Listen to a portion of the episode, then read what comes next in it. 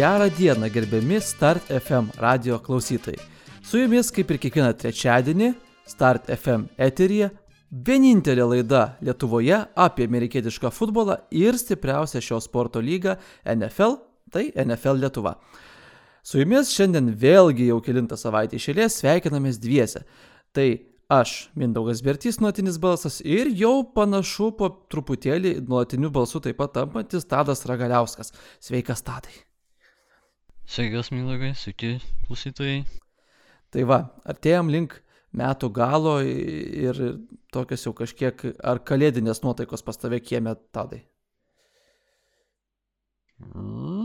Ne visai. Tos. Aš šiaip aš nesu mėgėjęs nei kalėdų švesti, nei ten kučių švesti. Man tai kaip paprasta diena.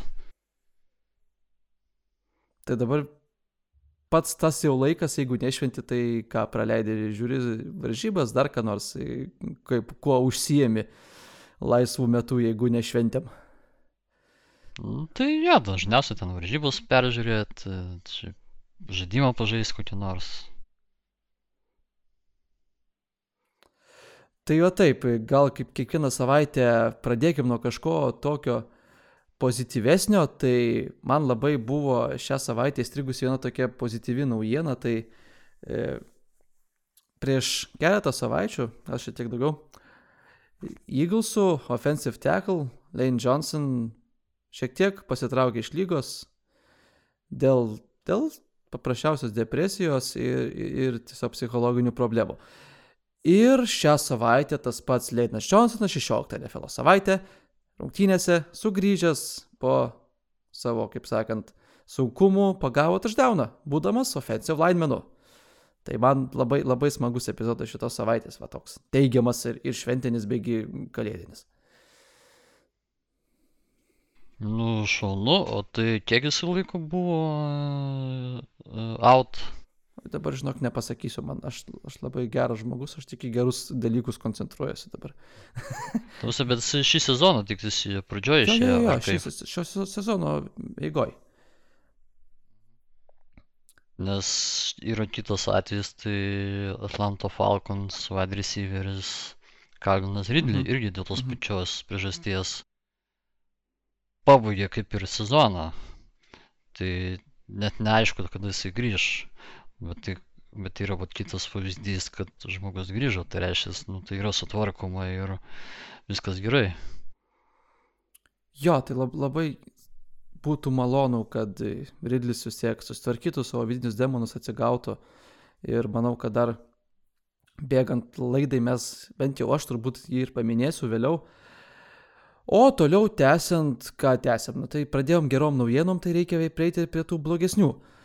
Tai vis toliau šienauja žaidėjus globalusis virusas ir jau iki, iki sekmadienio rungtynių buvo virš 250 žaidėjų į COVID sąrašus įrašytų ir daugybė visokiausių pozicijų, kokių tik nori. Ir running back ir quarterbackai krenta ir net third stringeris žaidžia, kaip pavyzdžiui Baltimore'ai. Johnsonas quarterbackas ir visos komandos ir visos pozicijos ir visi žaidėjai, išskyrus Kirką Kazinsą, kaip, kaip bebūtų keista, yra paliečiami šito, kaip sakant, negerovo. Bet e, dabar tu minėjai prieš transliaciją, kad jau apie 200 atvejų, man atrodo, yra registruota visoje lygoje. Tiesiog gal nebūtinai 200 tai... atvejų, bet tiesiog į protokolus įlipusių yra žmonių ten virš 250. Taip, taip. Tos, bet šiaip reikia paminėti dar vieną dalyką, kad bent jau NFL e labai liberaliai žiūrima į tuos atvejus. Ką reiškia liberaliai, tai yra, kad jeigu esi vakcinuotas, tai ir tu nepasiskundė, kad turi simptomų, tai gali ir praeitą visą ta prasme, procedūrą ir ne, neužfiksuos, kad tu sergi. Nes dalykas tas, kad e, jeigu, jeigu žaidėjas nežaidžia šiaip e, kuriuose nors rungtynėse, tai jam atlyginimas nėra mokamas. Tai kai kurie žaidėjai netgi, nu, netgi slepia tos savo simptomus, jeigu jie nėra labai jau ten išrikšti, tik tais ten vienetai, tokių kaip pavyzdžiui Lokitas, paskui Benas Rosenbergeris. Rothsbergeris. Nu, aš niekada neištariu jo pavardės. Tai jie, to prasme, jie patys namuose būdami pranešė, kad jie serga. Bet kiek yra žaidėjų, kurie nepraneša, tai čia kitas klausimas. Ir čia tie 200 atvejų, tai manau, reikėtų kokių iš dviejų padauginti, minimum.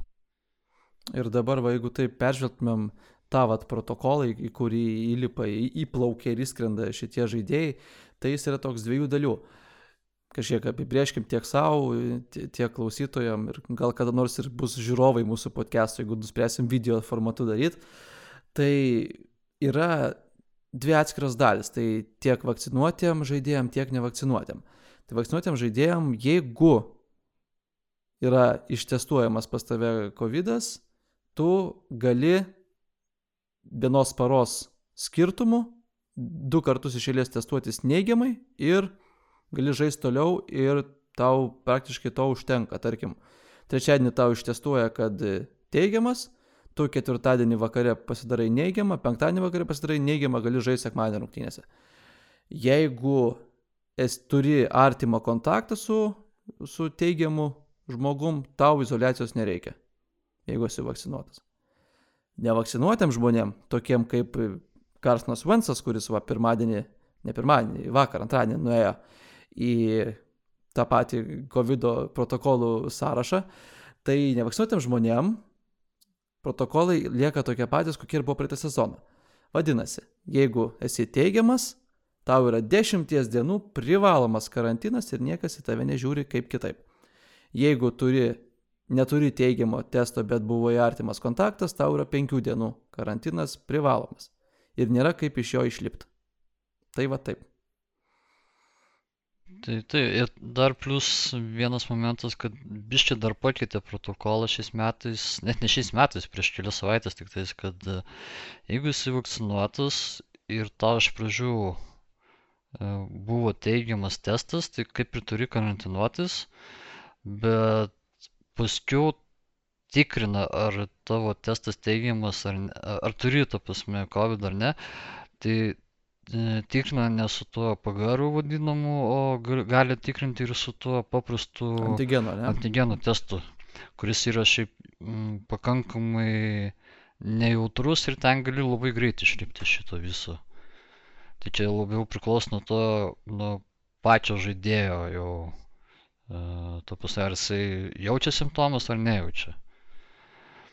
Ir, tapusai, ir aš paskui galvojau, kad vat, yra komandų, kur turėjo ži, labai daug atvejų, ten tik pati, ta pati Washingtono komanda, paskui Clevelandas. Tai aš spėjau, kad ar tik nebus taip, kad vienas žmogus, žaidėjas atėjo tiesiog uh, su simptomais, bet niekam nesakė ir, ir užkrito ten pusę komandos. Tai pilnai tai gali būti, pilnai gali būti. Vis tiek, nu, jeigu nu, tai dideli dabar... pinigai vaikšto, tai visi yra incentivuoti tos pinigus pasimti. Tai vat man tada jau kitas klausimas kilo, kaip bus, kaip bus, kai ats, prasidės playoffai ir Super Bowlas. Ar, ar lyga yra suinteresuota toliau žaisti su pusę komandų, ar, ar jinai gal norės labiau jau kokybės, o ne, ne, ne kiekybės tos vadinamos. Nes, nu, NFL šiaip turi tokį tą pusę prabangą biščių nukeltos rungtynės. Aš nelabai suprantu, kodėl jie taip atsiciklinę, kad būtent tą datą reikia būtinai sužaisti. Nu, šiek tiek buvo tų nukelimų ir, ir, ir tą pačią, nu, ne kur dabar buvo 16 savaitė, bet ankstesnė 15 savaitė buvo ir Remsų Sykoks rungtynės nukeltos ir dar porą. Bet, nu, vis tiek panašu, kad, nu, jau ne, ne vienus metus esame įsitikinę tuo dalyku, kad e, NFL yra suinteresuotas savo produktu. Ir transliacijom pagrindinė sutart, sutartim su TV, su TV šitą visom televizijom. Ir svarbiausia yra nefelui pinigėlis ir paduodamas produktas į ekraną, kad sekmadienį 8-11 val. Lietuvos laiku, jis yra ten 1 ir 4 Eastern Time, kad yra duodamas produktas NFL ir kad žmonės žinotų, kad tada bus NFL ir žiūrėtų NFL. -ą. Nu, tas tai taip, bet, bet matai, ta visa NFL turi vat, e, vieną gerą dalyką, kurio neturi visus kitos sporto šakos, tai yra, kad pakankamai trumpas sezonas. Ir tarkim, kai baigėsi sezonas vasario pradžioj, tai realiai paskui nieko nevyksta iki pat balandžio mėnesio, kada ten tie draftai vyksta. Draftai balandžio gale jau vyksta. Nu, tai va, balandžio gale, ta prasme, tai, tai jie, tu pasu, turi galimybę truputį pratesti sezoną, nes, pavyzdžiui, toks NBA arba Eurolyga, nu ten, nu, negali pratesti, nes baigėsi sezonas, iš karto ten prasideda ten tie tarptautiniai turnyrai visokie ir ten ir pagal pačių žaidėjų asociacijos ten nustatymus ten turi būti praeit laiko tarpas, kad žaidėjas spėtų atsigauti iki kito sezono. O NFL tai to nėra tokio to pasispaudimo. Tai... Plus Europos, nu, lygos, pasme... vis, plus Europos lygos visą laiką remiasi į savo vietinės lygas. Tark, ta pati Eurolyga remiasi į vietinių, vietinės krepšinio nu, lygas. Taip, taip. Premier lyga, kokia pavyzdžiui futbolo, kur dabar reikia visus šienuoja iš eilės žaidėjus COVID remiasi ir į tarptautinius turnyrus, ir į taurės turnyrus. Ir, ir, ir tiesiog element, elementarus žaidėjų rotacijos nebuvimas tada atsiranda. O su amerikietiškai sportas šiek tiek lengviau. Nu, išskyrus, aišku, turbūt NBA, kur ten 82 beprasmiai, beprasmiai, beprasmės 82 rungtynės ir tik tai playoffuose prasideda tikroji kova. Tai, o jo, šiaip NFL'as turi tokią prabangą. Aišku, jeigu atsimeni, praeitais metais buvo viena savaitė, kur kiekvieną savaitės dieną buvo vykusios rungtynės dėl nukelimų. Nu, taip, tu prasme, bet... Mes turėjom penktadienio nakties futbolą. Mes turėjom Friday Night Football. Ten, man atrodo, buvo netgi pirmas kartas, kai vieneros rungtynės buvo netgi atšauktas, kai ten tenisas prisidirbo ten totaliai. Aha, a, jo, ten, ten kur buvo visa, visa komanda, kur išėjo iš protokolų ten breik, breikino taisyklės kažkokias buvo, jo šitas variantas buvo. A, taip, taip, ir ten buvo, ten jau galvojau, ten didelės baudas duos viską, bet ten kažkaip ir viskas nutilo.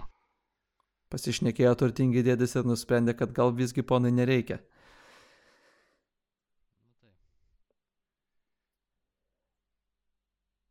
Tai va, tokią turim situaciją, kur daugybė futbolininkų nežaidžia ar, ar be, vos vos spėja pradėti žaisti savaitę tas iš protokolų išlipę. Ir manyčiau, gal dabar greitai aš tau tokį klausimą užduosiu. Nežinau, kaip, kaip tu galvoji tokiu dalyku. Ne, praeitą savaitę, kaip mes visada, mūsų podcastas yra gan pakankamai nedėkingų laikų NFL naujienoms. Uh, Tai lygiai tas pats ir buvo ir praeitą savaitę. Tai trečiadienio vakarą, ten kokios 8 ar 9 valandos po mūsų podcast'o išėjo visos Pro Bowl sudėtis, tai yra NFL žvaigždžių dienos sudėtis. Ir aš tiesiog tokį klausimą tau duosiu, ar tu sutinki su tuo, kas įvyko. Tai apie aš grinai apie quarterbackus šneku. NFC quarterbackai buvo į Pro Bowl išrinkti trys - Aaron Rodgersas, Tom Brady ir Kyler Murray. Visgi aš apie AFC norėčiau nuomonės. Buvo išrinkti, aišku, Patrick Mahomes, buvo Herbertas išrinktas Chargerių ir buvo išrinktas Lamaras Jacksonas, Baltimore'as. Ar tu manai, kad pavyzdžiui Lamaras su tokiu savo, nu, tikrai žemiau linijos sezonu yra vertas būti probaulė? Labai labai pagalvočiau. Tobas aš gal aš manau, iš Lamaro Jacksono yra ir geresnių. Čia tas pats iš Cincinnati Bengals. Jo, Joe Burrow. Užkrito. Uh, Joe Burrow. Uh, paskui Žoš Alinas, kodėl negali būti. Jo, man, Nes ten dėl labai, Patriko Mahomes'o ir Justino Herberto tai sutinku, viskas tvarkoj, bet dėl Lamaro tai mm, aš out. Nes tiesiog greitas toks statistikos prometėjas, Tai 64 tik procentai completion rate šį sezoną, 16 touchdown, 13 interceptionų, nu tas nėra pagrindinis, bet vis tiek yra ir QBR reitingas ESPN, kuris matuoja, kaip žinia, maždaug kiek vidutiniai situacijoje su tokiu pasirodymu kartu procentaliai laimėtų komanda, tai jo yra QBR nuo 0 iki 100 tik 50. Tai yra absoliučiai vidutinis rezultatas. Netgi, netgi old schoolinis PES reitingas yra 87. Tai. Nu, tai apie ką kalbu eina? Nes aš galvoju, vat, tas Davidas Karas ar netgi kažkas dar iš FC. Mac Jonesas ar neturės tik tais geresnį reitingą? QBR'as Mako Jonesų yra labai geras šiemet. Nu, jis solidus game manageris yra. Kad, Nu, kad ir tai va, ta naujokas. Taip, būtent šių metų naujokas, ta prasme, žaidžia visai padoriai, tai, tai dabar, ta prasme, Lamaro e, pa- pakviesti šitą į Pro Bowlą, tai, mm -mm, jokiais būdais. Tai va, tai tiek ir ten norėjau paklausti. Gal tada žygiuokim prie tokios sekcijos beigi rubrikos, kurią sugalvojau netiek jau daug laiko likus iki podcast'o. Tai nominacijos šių metų 21, 2021 mūsų viešpats metų. Ir turim, turiu bent jau aš sugalvojęs keturias tokias nominacijas, kurios, aišku, užima, apima visus 21 metus. Tai tikiuosi, kad turi savo nominantus, beigi priežastis, galėsim pasišnekėti. Tai pirmoji nominacija yra brolio šaunuolio nominacija. Tai tiesiog, nu tiesiog metų šaunuolis. Ka, ką tu turi pasirašęs, pasižymėjęs, beigi paminėjęs į šitą Nu, apdovanojimą. kol kas man į šitą kategoriją papuola kupas iš e, Ramsų, wide receiveris. Tai, ką jis demonstruoja šį sezoną, tai yra kažkoks kosmosas. Ir tausia, šiaip labai gerai yra vertinti žaidėjus iš fantasy pusės. Tausia, kai vyksta draftai ir tu maždaug, e, nu vis tiek spėlioja, kurioje vietoje jisai bus. Tai tarkim, aš dabar pasižiūrėjau prieš transliaciją, kad jisai bent jau pas mus lygoje buvo paimtas e, trečio rato pabaigoje, man atrodo. Jo, trečiojo rato pabaigoje, nu tai kas reiškia, kad jisai nebuvo vertintas gerai. Ir tai, jisai šį sezoną rodo, tai yra kažkas, nu, kosmosas. Labai labai geras variantas. Iš tikrųjų, Cooperis ypatingai svarbus Remsam. Aišku, ten labai didelę dalį vaidina ir, ir teneris Sean McVay, ir naujas quarterbackas, dabar jau parsiplukdytas iš Detroito, tai Matthew Stafford. Tai panašu, kad būtent Matthew Staffordo ranka ir atriša visas galimybės, ne Cooperiui. Nes ten, nes šiaip kupas, kad jisai turi potencialų, tai rodė ir prie Gofo, kai žaidė. Tik tais, kad pats Gofas truputį, nu, ne, ne to lygio kotarbekas, tai taip jisai ir, e, ne, taip ir kupas negalėjo parodyti savo to pilno potencialo. Visiškai. Man, aš tokio kažkokio tai metų labai šaunuolio neturiu, Cooperis šiaip yra labai labai labai geras variantas. Man, kad ir kiek būtų keista, bet aš norėčiau metų šaunuoliu pavadinti Kailą Šenekeną.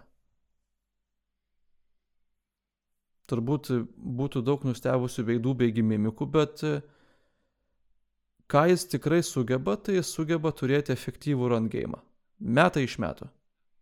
Nesvarbu su kokiu running backu, kokioje situacijoje, koks quarterbackas, nepavadinkim Jimmy Garoppolo quarterbacku. Čia labai liberali savoka. Ir jis nėra geras quarterbackas, vis, manau, dauguma tai supranta ir žino, jis pats turbūt tai žino. bet, bet tai kol kas naujokas papikintas šiemet nelabai, nelabai kol kas atsiskleidžia, bet bus galimybė atsiskleisti, va būtent kaip tik, nes Jimis panašu, va čia 17 savaitę nežais. Tai labai svarbiai pozicijoje galės atsiskleisti žmogus, kurio pavardę aš pamiršau. tai va, Nu, jo, man irgi dabar iškrito. žodžiu, šiek tiek e, žiupsnelis bei druskos krislelis statistikos, tai kaip žinia, matom, kiek sėkmingai bėga su Kolsu offensive line, ar net penkiems offensive linemenams Kolsu iškritę, iškritus Jonathanas Tayloras, bet 49eriai visiškai neturėdami tokio kalibro vardo ir tokio kalibro offensive line sugeba bėgti vienodai sėkmingai first ir second downsuose. Čia yra tokia vieta, kur sėkmingai bėgti, tai prasme, turėti teigiamus EPA ranus yra praktiškai neįmanoma didžiai daliai lygos komandų. Ir 49eriai jau metai iš metų tai sugeba padaryti. first and second down, raninti sėkmingai. Ne taip kaip Seatlas į sieną su, su Rašadu Peniu važiuoja, bet sėkmingai raninti. Ir aš manyčiau, kad didžiausi laurai turi eiti vis tiek Kailu Šenahanui. Nu taip, bet ta prasme, bet šiaip čia jo toksai žaidimo stilius yra. Ir reikėtų dar paminėti, kad bėgime dalyvauja pas jūs dažnu atveju ne vien tik tais tas nominalus running backas vadinamas, bet ir nemažai tie patys wide receiveriai, ten tipo tas... Um, Dybo Samuel. Dybo Samuelis, pavyzdžiui, ten, nu, jis irgi ten bėgioja. Tai va, tai, tai čia, čia irgi nu, toksai... dalis to, kad sugeba taip sustatyti polimą, turint, nu, tikrai žemesnį negu vidutinį quarterbacką, kad polimas būtų bėgant sėkmingas, kai vis tiek gynyba tikisi, kad tu bėgsi ir žino, kad tu bėgsi. Ir tai yra mm, daroma mm, taip, taip. ilgą periodą. Tai jis, vat, todėl nusipelno mano metų šaunuolio nominacijos. Dabar Gaudrius labai, labai katučių ploja ir šypsosi namie. tai va. Nu, taip, tu visą sutinku su šituo. Tęsiant toliau, turim jau tokią dainingą nominaciją, tai Ne tau, Martinai, Mėlynas dangus nominacija. Kitaip žinoma kaip metų nevykėlio nominacija. Ką, ką išrinkai apipilti šūdų kibirų? Tadai šiemet. Šiaip aš, tu paminėjai vieną variantą, bet aš paskui pasakysiu, kodėl jis man nelabai tinkamas, bet aš turiu kitą variantą, kuris tau Gal patiks, gal nepatiks. Drėp. Russellas Wilsonas. O, labai geras variantas. Aš, aš, jį, aš jį kitoj nominacijai, žinok, dėsiu pačiam gale. Ketvirtoj nominacijai, bet, bet tinka šiek tiek ir čia.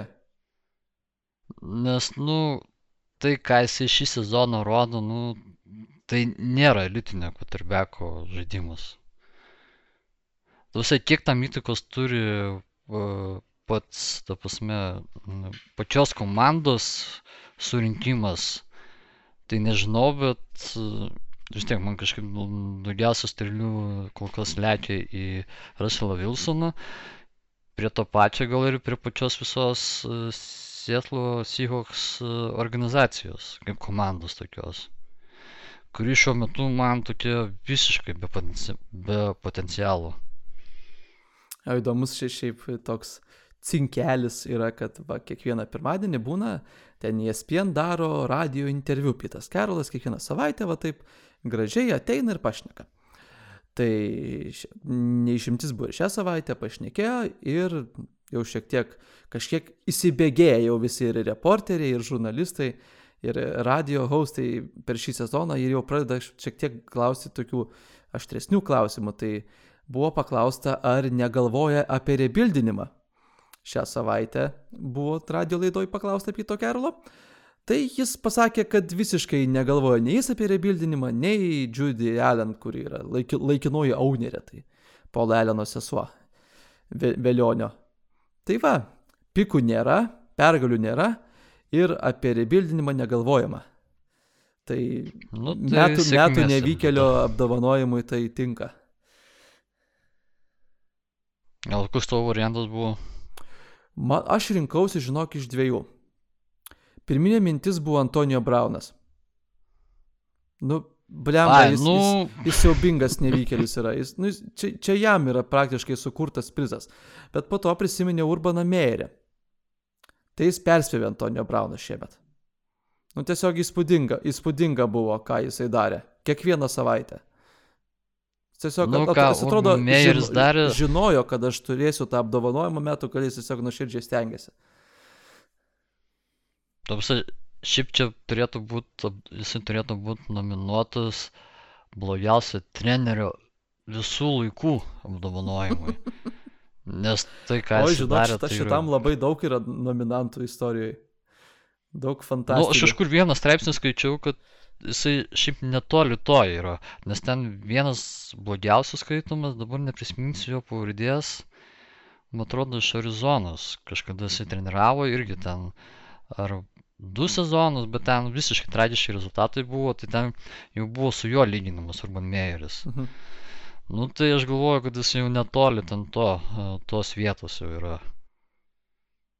Tai ne tau, urbanai, mėlynas dangus ir šitas statulėlė iš manęs keliauja metų gale.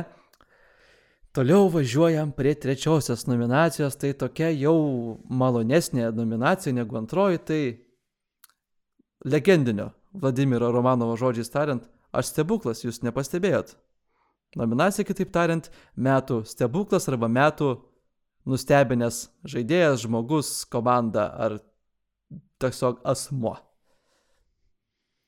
Nu, aš šitoj nominacijai pasirinkau ne žaidėją, ne komandą, o AFC konferenciją. Aha, netgi šitaip. Tai, kas dedasi šiuo metu šitoj konferencijoje, tai yra kažkoks kosmosas.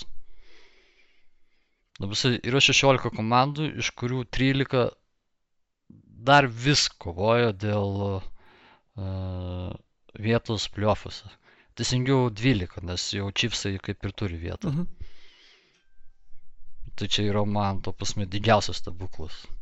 Nes aš niekada, aš neprisimenu, ta prasme, aš domiuosi futbolu gal jau nuo 15 metų, bet dar nemačiau tokios situacijos, kad liktų dvi savaitės iki sezono galo ir būtų ir nebūtų aišku. Nes dažniausiai būdavo, kad nu, viena, dvi komandos, kurios dar ten turi kažkokių teorinių šansų papulti playoffs, o čia dabar mm, 12 komandų dar vis kovoja. Jo, ir, ir Chiefsai tokie, kaip jau ir praeitą savaitę šnekėjo mane dviese, jie tyliai ramiai, be fanfarų kažkokių. Ok, šią savaitę fanfaros buvo. Ir tokios galingos jau. Fejerverkų šūvių virtinė visą šią savaitę buvo. Bet iki tol labai ramiai, tvarkingai, undergroundė. Jie susirinko tas savo pergalės, turi, man atrodo, gal netgi didžiausią winning streaką lygoje. Kartu gal turbūt su Dolphinais tik tai. Ir va, stovi pirmoji vieta ir vieninteliai užsitikrinę playoffų spotą. Jie šiuo metu turi 8 pergalių seriją. Tai va, dar net geriau už Dolfinus. Šiaip, kas liečia Dolfinus, yra vienintelė komanda istorija, kuri sugebėjo pralaimėti 7 išėlės ir laimėti 7 išėlės. Tam pačiam sezonui. taip, taip. Bet ten, ta prasme, bet ten, aš pažiūrėjau paskui tvarkaraštį, prieš ką jie žaidė tas septynės rungtynės, kur pralošė ir dabar kur žaidė, nu tai ten labai dėkingi varžovai papuolė. Na, bet komandos aukščiau vidurkio ir ties vidurkiu turi su tais dėkingais varžovais sutvarkyti, kai jos gauna. Mm, taip, taip. Taip, taip. Pas, pasidarai nu, tai va, tai mano, ta, tai va, mano pasirinkimas būtų AFC konferencija. Labai įdomus pasirinkimas iš tikrųjų. Man, aš nežinau, man kažkaip labai, aš, aš matyt, ar esu labai uh, sugerėjęs ties metų pabaiga ar, ar labai sublogęs, čia jau turbūt nuo perspektyvos priklauso. Man metų stebuklas eina Dybo Samueliui. Ir dar notable antra vieta yra Kordarelė Peterson. Ma, jie, jie man vis, vis, vis, visiškai puikus. Ypatingai Kordarelė. Galbūt net Kordarelė į pirmą vietą. Aš, aš vis tiek Kordarelė Peterson į pirmą vietą. 28 metų running backas. Dvi, pakartosiu, negirdėjotim ir nesiklausytim. 28 metų quarterbackas. Ne quarterbackas, running backas, aš tiesiog nusišneku šiandien. 28 metų running backas gauna vietą pagrindiniai komandai pagrindinio running backo. Apžaidžia Maiką Deivisą, jau seniai nugesusi viltis, kažkada buvusi didžiulė ir tų, pa, tų pačių fantasy analitikų viltis Kordarelė Pedersonas, nugesęs tiesiog turi savo atgimimą šiemet. Puikiai, virš tūkst, tūkstantį, man atrodo, jardų jau yra pasiekęs, skrimage jardų bendrai, tai žmogus daug metų nematytas, negirdėtas NFL, jis padarė comebacką ir yra matomas. Nu, šiaip jisai, man atrodo, buvo pirmo rato šaukimas netgi, kas šiaip, nu, running backams. Pirmam rate šiaip jau šaukė jau gerus running backus. Tai, bet jo to pasai karjerą, tai ten šiaip nelabai pasisekė, nes dabar, kai tik atsiverčiau statistiką, tai jisai nuo 13 metų iki 20 metų net neturėjo 500 jardų statistikos. E, Be, running, be, running game. Mhm. O, o šiemet vat, jau ir 500 jardų running game'as ir receiving 500 jardų. Nu, tai čia yra jau gera statistika. Čia, čia primenos Tai taip, ta- praeitų metų, kuris Taip, turėjo po ta prasme, 600 čia abiejų. jau toksai, taip, čia yra toksai nustebinęs labai žaidėjas. Jo, man, man, man, tokie, man tokios istorijos patinka, fainos. Ir vat apie tą patį Dybo Semelį, koks jis yra universalus žaidėjas. Jis ir blokuoja puikiai kaip wide yra running backo vietoj, toj pačioj jau užsimintoj Kailo Šenekino sistemai. Puikiai dera kartu su Kitlu, kuris jam blokuoja. Ir gaudo kamolį labai gerai. Ir after the catch yra tiesiog elektra bėganti. Mm, Bet čia šiaip mm, manęs asmeniškai tai nėra nustebinęs dalykas, nes aš prisimenu, e, San Franciske žaidė toksai žaidėjas Dante Petis. Taip, Gal buvo, prisiminsi. buvo toks. Ir jisai pirmą sezoną ten labai neblogą turėjo ir visi jau kalbėjo, kad kitam sezonai bus jo proveržio sezonas, bet jau nuo pat sezono pradžios pasimatė, kad treneris labai jo nepasitikė. Ir paskiau, kiek bandžiau išsiaiškinti, tai ten pagrindinė priežastis, kad Dante Petis neturėjo to tokio, kaip čia sakyti, agresyvumo, prasme, kuris, nu, šiaip yra reikalingas NFL žaidėjams. Ir, o vat šitą turėjo Dybo Samuelis, kuris ir išnaudojo. Ta prasme, tiek game, tiek blokavime. Ir ta prasme, ir čia šitoj vietoj gal kažkiek nustebina, bet aš nesu labai ten kažkoks exciting, kad jau čia iš niekur išdygo to žaidėjas. Tai čia buvo, ta prasme, atėjo su laiku, su pačio trenerio filosofija. Aišku, Dybo turbūt ypatingai gerai pasinaudojo vieną tokią situaciją savo kolegos. Tai tokia gan panaši situacija, kaip sakė Dante Peris, buvo po praeitų metų apie Brandon Ayuk, wide receiverį.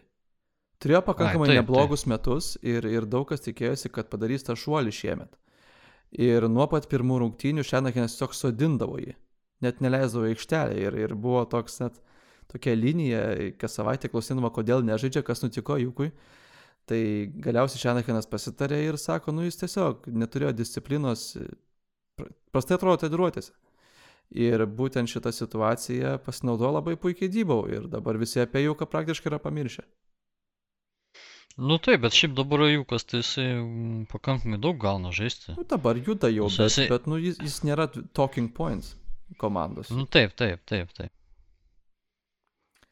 Tai taip, aš jau du kartus apie Fortnite išneku, koks tas kemba. Įdomus laikai. Tai va, o ke- ketvirtą nominaciją turim jau legendinės Irmos ir Gelevičiūtės e, žodžiais dainos tariant, kur tu pradingai. Tai va yra nominacija kur tu pradingai arba metų dingim, dingimas. Tai yra žmogus turbūt kadaise buvęs geras, žinomas, matomas, bet dabar visiškai visiškai nebepateisintis savo lūkesčių ar, ar ko iš jo buvo tikimasi šį sezoną.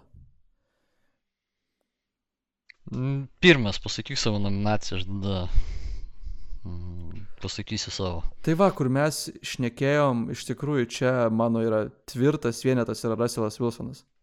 Šiemet. Visiškai. Tai jis, nu kaip ir šnekėjom, jis visiškai nebeprimena savęs tokio, ko, kokį, jis, kokį mes esam primatę jį matyti. Aišku, prisidėjo ta piršto trauma, piršto operacija, trim savaitėm iškritęs buvo, bet vis tiek dabar jį labai labai riboja tai, kad metams bėgant, senstant, nors ir išleidžiamas milijonas per metus yra maistų ir ten visai kitokia reabilitacija ir taip toliau, jis nebėra tas bėgantis quarterbackas, kuriuo jis buvo žinomas. Ir neviršiau, man atrodo, šiemet net 20 rushing yardų ne vienose rungtynėse Russellas, kas yra visiškai nematytas dalykas jam. Ir būtent tai, kad jis nebėra toks judrus, mobilus ir kad ir, tarkim, būtų arti to judrumo ir mobilumo, jis jau nebepabėga nuo defensive linemenų tiek lengvai, kaip pabėgau anksčiau ir būtent tas toks jo scramble play, out of pocket ir, ir visas toks random dalykas, jis to taip gerai nebepadaro, nes nebeturi savo greičio ir mobilumo. Tai jis, vat, skina mano pirmąją vietą šitoje nominacijoje ir toks labai asmeniškai skaudus apdovanojimas. Nu, mane tai gal labiau šiaip nustebino iš, blog... iš blogosios pusės, tai Los Angeles Rams. Ne, o. Tiek, kiek buvo hypo pirmom savaitėm ir kaip dabar jie atrodo ir kaip jie žaidžia, tai mane labai nustebino iš blogosios pusės. Nes uh, pas juos gynyba šiaip pakankamai skėlėta yra visa.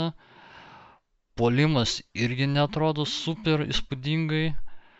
Ir tarkim, kai pasirašė sutartį su Matthew Stafford, jau visi kalbėjo, o čia bus Super Bowl komanda. Nu, man dabar nei pro niekur taip netrodo, kad ir paskutinės rungtynėse. Jie laimėjo taip, bet laimėjo ten 3 ar 2 interceptionai, man atrodo, buvo, dabar neturiu šalia statistikos, bet, nu, laimėjo sunkiai pakankamai. Nu, taip negali žaisti Super Bowl komanda sezono gale. Kai, ta prasme, geras pavyzdys yra Chiefsai, ten Dalasas, kurie dabar triuškina visas, visus varžovus iš eilės. Tampa labai solidžiai atrodo. Vėlgi. Nu, ta pati, taip, taip, ta prasme, kur jau užsipagiriojo, jau suprato, kad jau sezoną galas, jau reikia žaisti. Nu, tai ir viskas tvarkoja, bet, vat, pavyzdžiui, Ramsų tai man labai nuvylė. Įdomu šį pasirinkimas. Ramsai dabar turi 10 pergalių, užsitikrinę playoffų vietą, bet jo, šiaip žvelgiant pagal tai, ką buvo iš jų tikimas ir tai, kas yra duodama iš jų aikštelėje, turbūt galima netgi to, tokią išvadą daryti. Turi pilną žvaigždžių tą patį Odelį, linebackeris, kurio, kiek, kurį kiekvieną savaitę pamirštų iš Bronkos, Von Millerį. Von Millerį pasie, turi Aaron Donaldą, Staffordą, turi Šoną Makvėjo, tas pats Cooper Cupas, pirmaujantis wide receiveris lygoje pagal receiving yardus ten. Jam dar labai labai pasistengus per paskutinės dvi rungtynės netgi įmanoma aplenkti Kelvino Johnsono visų laikų receiving yardų skaičiuką. Tai atrodo, yra tos dalis, Aišku, dabar gal nukrypkim, nors šiaip nėra čia nukrypimas, sugrįžta po truputį Cam Makersas pas Remsus po savo Achilo plyšimo vasarą. Tai jis jau dabar grįžta yra aktyvuotas ir planuoja jį turėti ant playoffų. Būtent tuo pat metu dabar va iškritę į IR yra Injured Reserve pastatytas Hendersonas, Daryl Henderson running backas. Kaip sakai, kokią gali turėti playoffuose rolę ir naudą galbūt komandai Eikersas? Neįsivaizduoju, turiu pasakęs. Šiaip jisai jau praeitą sezoną ten kažko labai spūdingo nerodė. Ir nu, nelabai aš tikiuosi iš jo kažko daug. Bet, pavyzdžiui, praeitais metais plofuose būtent Eigersas ir buvo tokia praktiškai žvaigždė, palei kurią ir sekė visas polimas. Nu taip, bet to prasme jisai ten, atrodo, virš šimto jardų net nubėgo, bet tai buvo per visą sezoną jisai tik tais du kartus pasiekė šimto jardų ribą, tai sezono gale reguliariajam e, etape ir playoffuose vieną kartą ir viskas. Nu, nes ten, pavyzdžiui, kai paimkim tą patį pavyzdį Leonardo Furne, Furnetą iš Tampa Bėjaus, kuris per playoffus atsigavo ir vos ir vieną iš padarė didžiausią įtaką, kad Tampa Bėjas laimėtų Super Bowlą. Bet tai vėlgi, o... tas pats Lenis dabar irgi yra iškritęs, irgi į, į Injured Reserve nu, taip, taip, taip. Taip, bet to prasme, bet nu, kam Maikersas aš nežinau, ar jis tai turės tokią įtaką. Beje, man atrodo, kad jau šią savaitę planuoja leisti netgi ten keliams snapams. Nu, tai nu, kažkur... Čia, tas pats, kas nežaisti yra, jeigu ten to penkiems snapam išleidžia. Nu, taip, taip, to prasme. Nu, čia, čia yra... Taip, bet aš, bet aš šiaip ne, nemanau, kad tai, kad tai bus labai kažką keičiantis žaidėjas. Kalbant apie, apie running backus, tu kiek kalbėjom mane tarp mūsų e, podcast'o grupėje, tai esi visai proponentas e, Jonathan Tayloro šiemet kaip MVP kandidato, ar aš kažką maišau? Ne, aš esu MVP kandidato Cooper Cupus. Aha. Nes, ne, man, man šiaip palėtė tą temą apie MVP, tai man apskritai tas apdovanojimas MVP amerikietiškam futbole yra labai nede, neadekvatus. Nes, tamsi, šį apdovanojimą turi teisę gauti visi žaidžiantys žaidėjai komandoje. Tarkim, paimkim pavyzdį krepšinis, kur yra ten yra tam tikros pozicijos, bet vis tiek visi žaidėjai turi šansą gauti tą MVP. Dabar futbole amerikietiškam, tarkim, long snapperis, ar jis gaus kada nors gyvenime MVP? Nu tai neįmanoma yra. Visiškai. Ne, nu, bet tai yra tiesiog pozicinis svarbumas komandoje. Nu, ta prasme, taip, tu, to prasme. Tu, būdamas amerikietiškas offensive futbol... gardų, tu negausi MVP niekada, nors tu Nu, labiausiai tu tai taip, bet tada, tu prasme, bet tai kam reikia rinkti žaidėją, tu prasme, iš tos mažos krūvelės, nes dabar MVP gali iš esmės gauti tik tais quarterbackas. Nu, ir tam tikrais Ir labai- atvejais receiveris arba running backas. Nu, taip, taip, o visi kiti žaidėjai paliekami nuo šaly. Nu, arba mes nerinkam MVP iš viso, nu, ne, ne mes, bet šiaip ta prasme, nerinkamas turi būti, arba kažkaip turi būti tam tikros kategorijos.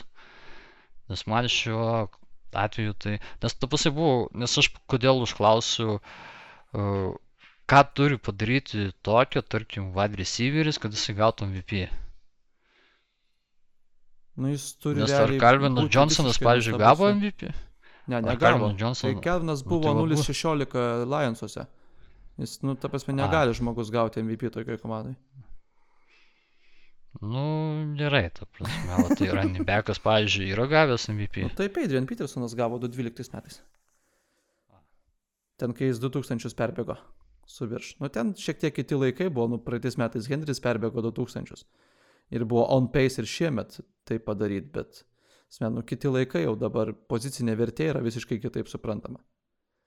Ir, nu, aš esu vis tiek proponentas tos minties, kad running backai yra vis tiek bent jau, gerai, pabūkim dostus, bent jau 40 procentų priklausomi nuo offensive line. Ir wide receiveris yra lygiai taip pat priklausomas nuo quarterbacko, ne kaip sako, yra žymi ta frazė, kad wide receivers make quarterbacks look good. Tai Nu, taip, bet, jeigu, pavyzdžiui, jeigu, esi, jeigu esi yra... priklausoma pozicija, tu vis tiek tu galiausiai in the end turi mažiau vertės negu ta pozicija, kuri galbūt yra mažiau priklausoma. Tarkim, Nu, man taip, bet edge prasme, bet- bet tu- bet- net aukščiau už wide receiver ir running backą. Bet reikia iš kitos pusės pažiūrėti. Jeigu tu neturėsi gero offensive line, tai tavo quarterbacko vertė irgi kris. Nes jisai nesugebės normaliai žaidinėti kamulio. Jeigu neturėsi šalimais, e, šalia, šalia gero quarterbacko, neturėsi ir gero wide receiverio, vėl tas pats gausis. Nu, tu visai čia yra antiek su, to visi susijėtos tos pozicijos tarpusavį, kad, nu, viena be kitos negali egzistuoti. Taip, tai nu vis tiek. Ir labai, nu, ir Futbolas yra labai, Ir labai sunku yra, sportas, e? Taip, taip. taip. Vis tiek, nu, komandos ir gyvena ir miršta su quarterbackais, tai, nu, tai galima turbūt pateisinti, kad kodėl būtent tai dabar yra tapęs quarterbacko apdovanojimu. Nu, taip, ta prasme, šiaip jeigu iš vis nėra quarterbackų, tai realiai komandos nėra. Dažniausiai ta komanda stengiasi taip vadinamą tankinti, kad paskui galėtų pasiimti quarterbacką. Tai turbūt ties tuo mes patys savo atsakom, kuri pozicija visgi vertingiausia yra lygai. Taip. Ir dabartiniu momentu tai aš, aš tikrai būčiau už tai, kad Rodžersas būtų MVP. Man, man, yra, man yra ir gražu žiūrėti, ir komanda rezultatą rodo. Ir jis, jis turi tą statistiką savo tą įprastinę, kurią jau užpatentuot galbūt galėtų po kelių metų, kur padarai daug touchdownų, dažnai nusimetinėjai kamuolį, kas reiškia, kad e, nėra daug interceptionų. Ir beje, šią savaitę, vat, būtent per rungtynės su Clevelandu pagerino Arnas Rodžersas anksčiau buvusi Pekerių Brett Favre rekordą touchdownų.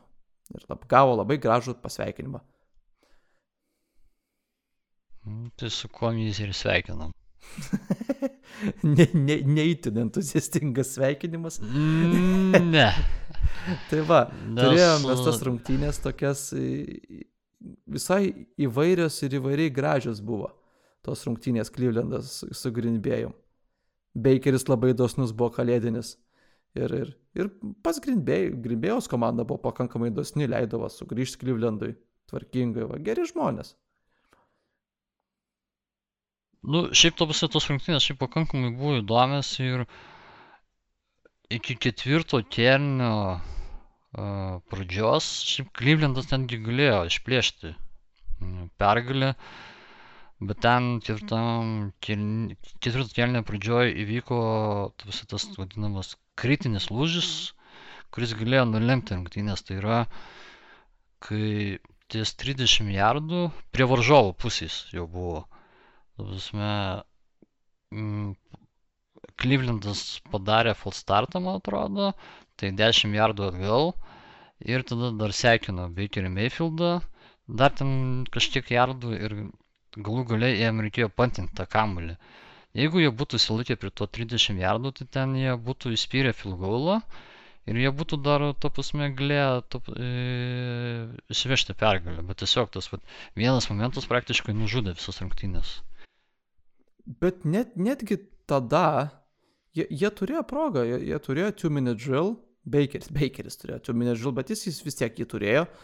Ir kaip manai, buvo offensive interference, pass, pass interference'as buvo tam fourth down'e metime ar, ar nebuvo pačiam gale. Mm, čia paskutinis pats drivas, kur buvo. Jo, jo, jo, kur, kur fourth down incompletionas ir ten dabar buvo, nebuvo. Pass interferences. Vieni sako, kad, tipo, nu, grumkitės vyrai, viskas yra tvarkoj. Kiti sako, kad, kad buvo šiaip, pass a, interferences, tas ten patelpė už miškinėlio. Ten toksai labai slidus reikalas. Ten šiaip labai priklauso nuo šitų teisėjų, kaip pasižiūrės. Ir mano akim 60 procentų gal buvo pas interferences. Mhm.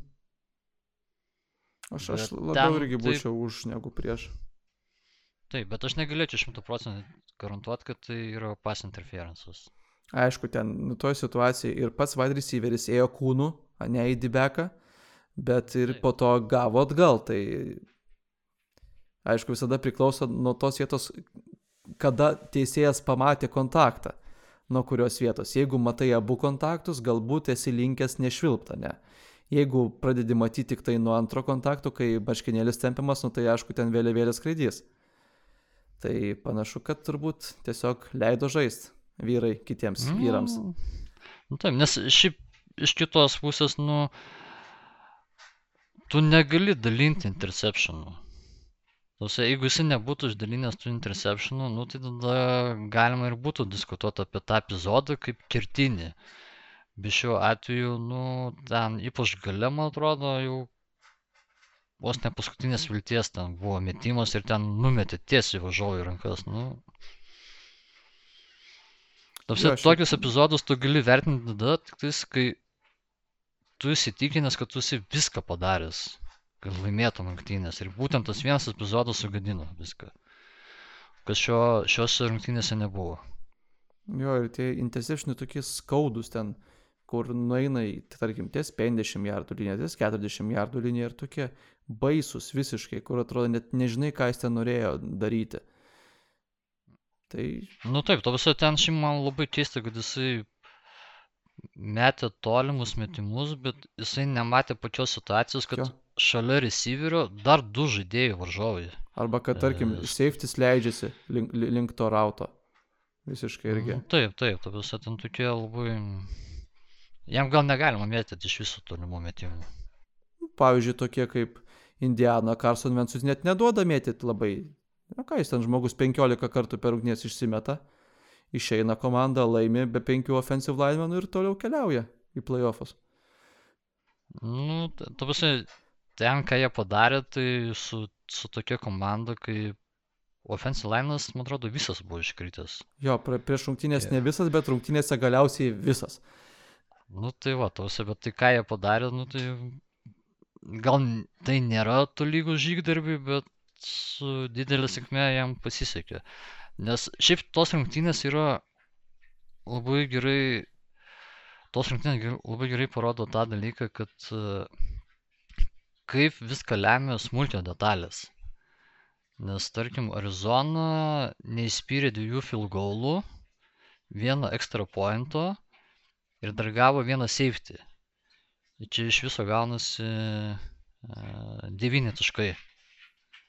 Tai tie devyni taškai vat, pridėk prie galutinio rezultato ir Arizona būtų laimėjus.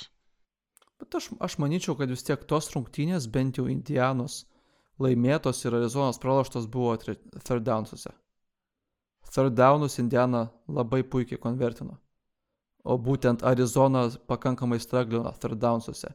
Buvo Na, tai daug, ten... kur Kaileris bėgiojo metą bet kur ir, ir tiesiog, kad tik išvengti.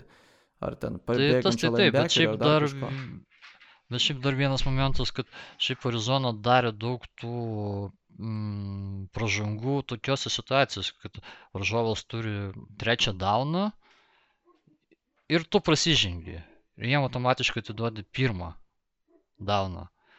Paskui jau savoj pusėje vėlgi, ten tai buvo situacija, kai ketvirtas daunas, vienas bandymas, Arizona bando praeiti ir jiem nuskaito full startą.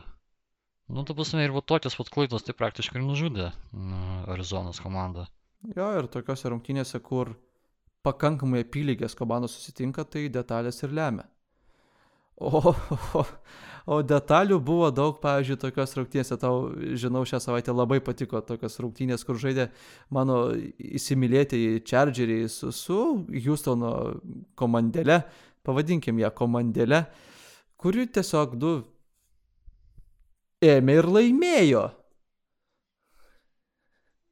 Nu, ta prasme, jo, ta- žiūrint į patį galutinį rezultatą, tai rezultatas labai stebinantis, bet jeigu žiūrėti į patį turinį, tai yra patį žaidimą, tai Tausia, kaip tu manai, kas, e, kas čia labiau lėmė, ar kad Houstonas gerai sužaidė, ar kad Chargeriai blogai sužaidė? Liaudiškai tariant, Chargeriai apsišiko tiesiog. Manyčiau. E, Šiaip aš tiek žiūrėjau tos rungtynės, tai ten didžiausia blogybė buvo tai Chargerių gynyba, kuri šiaip šį sezoną niekada įspūdingai netrodė, bet šį sekmanį tai jinai atrodė tragiškai.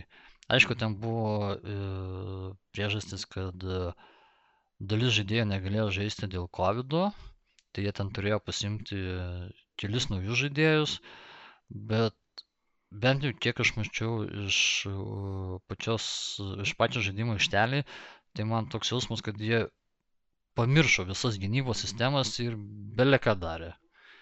Nes Houstonas ten ir bėgiojo, ir mėtė kaip norėjo. Ir, ir kitas momentas, kad, pavyzdžiui, tu gali laimėti rungtynės žaidimas be gynybos. Bet tavo palimas turi būti labai geras kas šioje situacijoje Chargerių gynyba šiaip buvo gera, ta ne gynybo palimas buvo geras, nes jie turėjo e, devynis drivus, o statistiškai yra paskaičiuota, jeigu tu per vieną drivą padarai 3 taškus vidutiniškai, tai tavo palimas yra pakankamai geras, tai Chargeriai padarė e, 28, man atrodo, taškus. Kas yra jau, jau super geras rezultatas super geras rezultatas, bet jiem tiesiog laiko neužteko e, daugiau tų drivų padaryti, nes kai tu neturi mm, geros gynybos, tu ne, ne, ne, negali, ta prasme, neturi daugiau šansų užpulti. Tai va čia pagrindė ir lėmė, kad pralošė prieš Houstoną.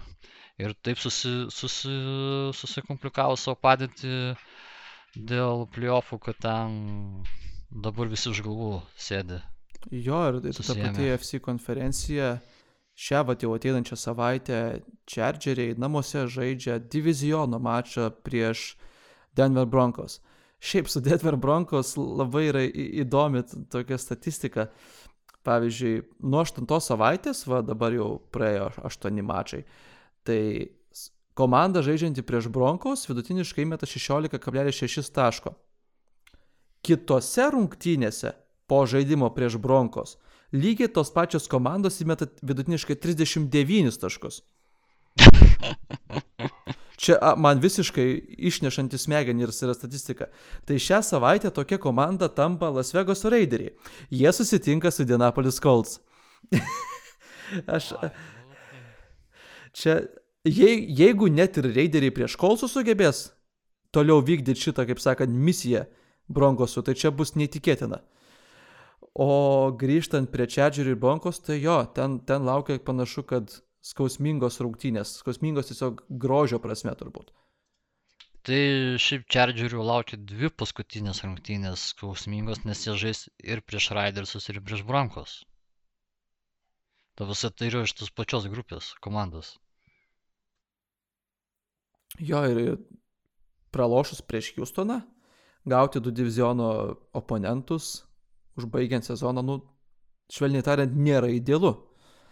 Nu taip, ir tu pasakai, ir tie varžovai, tai tau kvepuoja nugarą, nes Raidersai irgi turi 8 pergalės, o Broncos turi 7 pergalės. Nu tai čia, jeigu tu praloši, tai realiai iškrenti iš kovos. Jo, jo, tiesiog taip. Tai va, žvelgiant į, į kitą savaitę, jau vat, mūsų laukia čia 17 NFL savaitė, uh, turėsim tokių vat įdomių mačų, vat tie patys Vegasas su Indianos kolcais. E, netgi jeigu pagaliau, jeigu pagaliau, jeigu pagaliau pasveiks Lamaras mūsų apdainuotasis, turėsim Baltimorę su Los Angeles Rams, turėsim Denverį su Chargeriais, turėsim netgi įdomų labai mačą Arizonos Cardinals su Dallasu pasismaginusiu. O, čia sekmadienį. Dviejų savaitės rungtynės. Ir turėsim tokią... metu. Turbūt gal net sniego kovą pirmadienį Klyvlendą su Pittsburghu. Tai va, turėsim pakankamai didelį kiekį įdomių, intriguojančių mačų šią savaitę, galbūt netgi priešingai nuo praeitos savaitės. Mm, taip, taip. Tai va, ir tada gal sugražinkim ir prateskim jau mano tokia pamėkla pašaudimo rubrika, baigiant podcastą, su kuria paprastai ir jau plius minus atsisveikinam. Tai pašaudykim tada. Vegasas Indiana. Kas laimės? Vegasas, sakyčiau. Aš už Indianą. Toliau sveiki Remsai prieš sveikus Ravensus. Nu, kadangi aš laikausi tos linijos, kad Remsai yra didžiausiai nevykėliai šio sezono, tai aš Ravensus pasiemu.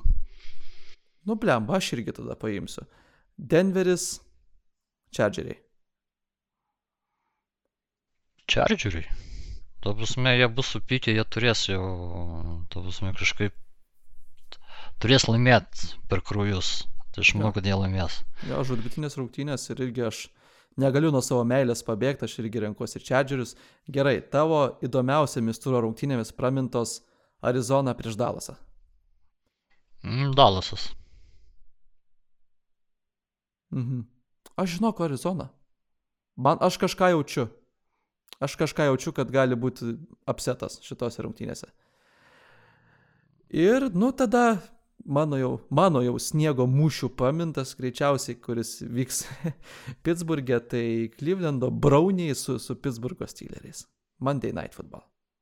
Mm, Clevelandas. Clevelandas. O mes daug kur, daug kur sutarėm šią savaitę. Esame ge, ge, geri, mėly žmonės šventinės nuotaikos.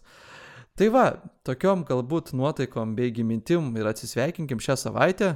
Buvo smagu pasidalinti nominacijom, prisiminti šiek tiek šituos metus šį sezoną, aptarti dabartinę, gal ir būsimą situaciją ir ačiū tadai ir iki kitų susitikimų.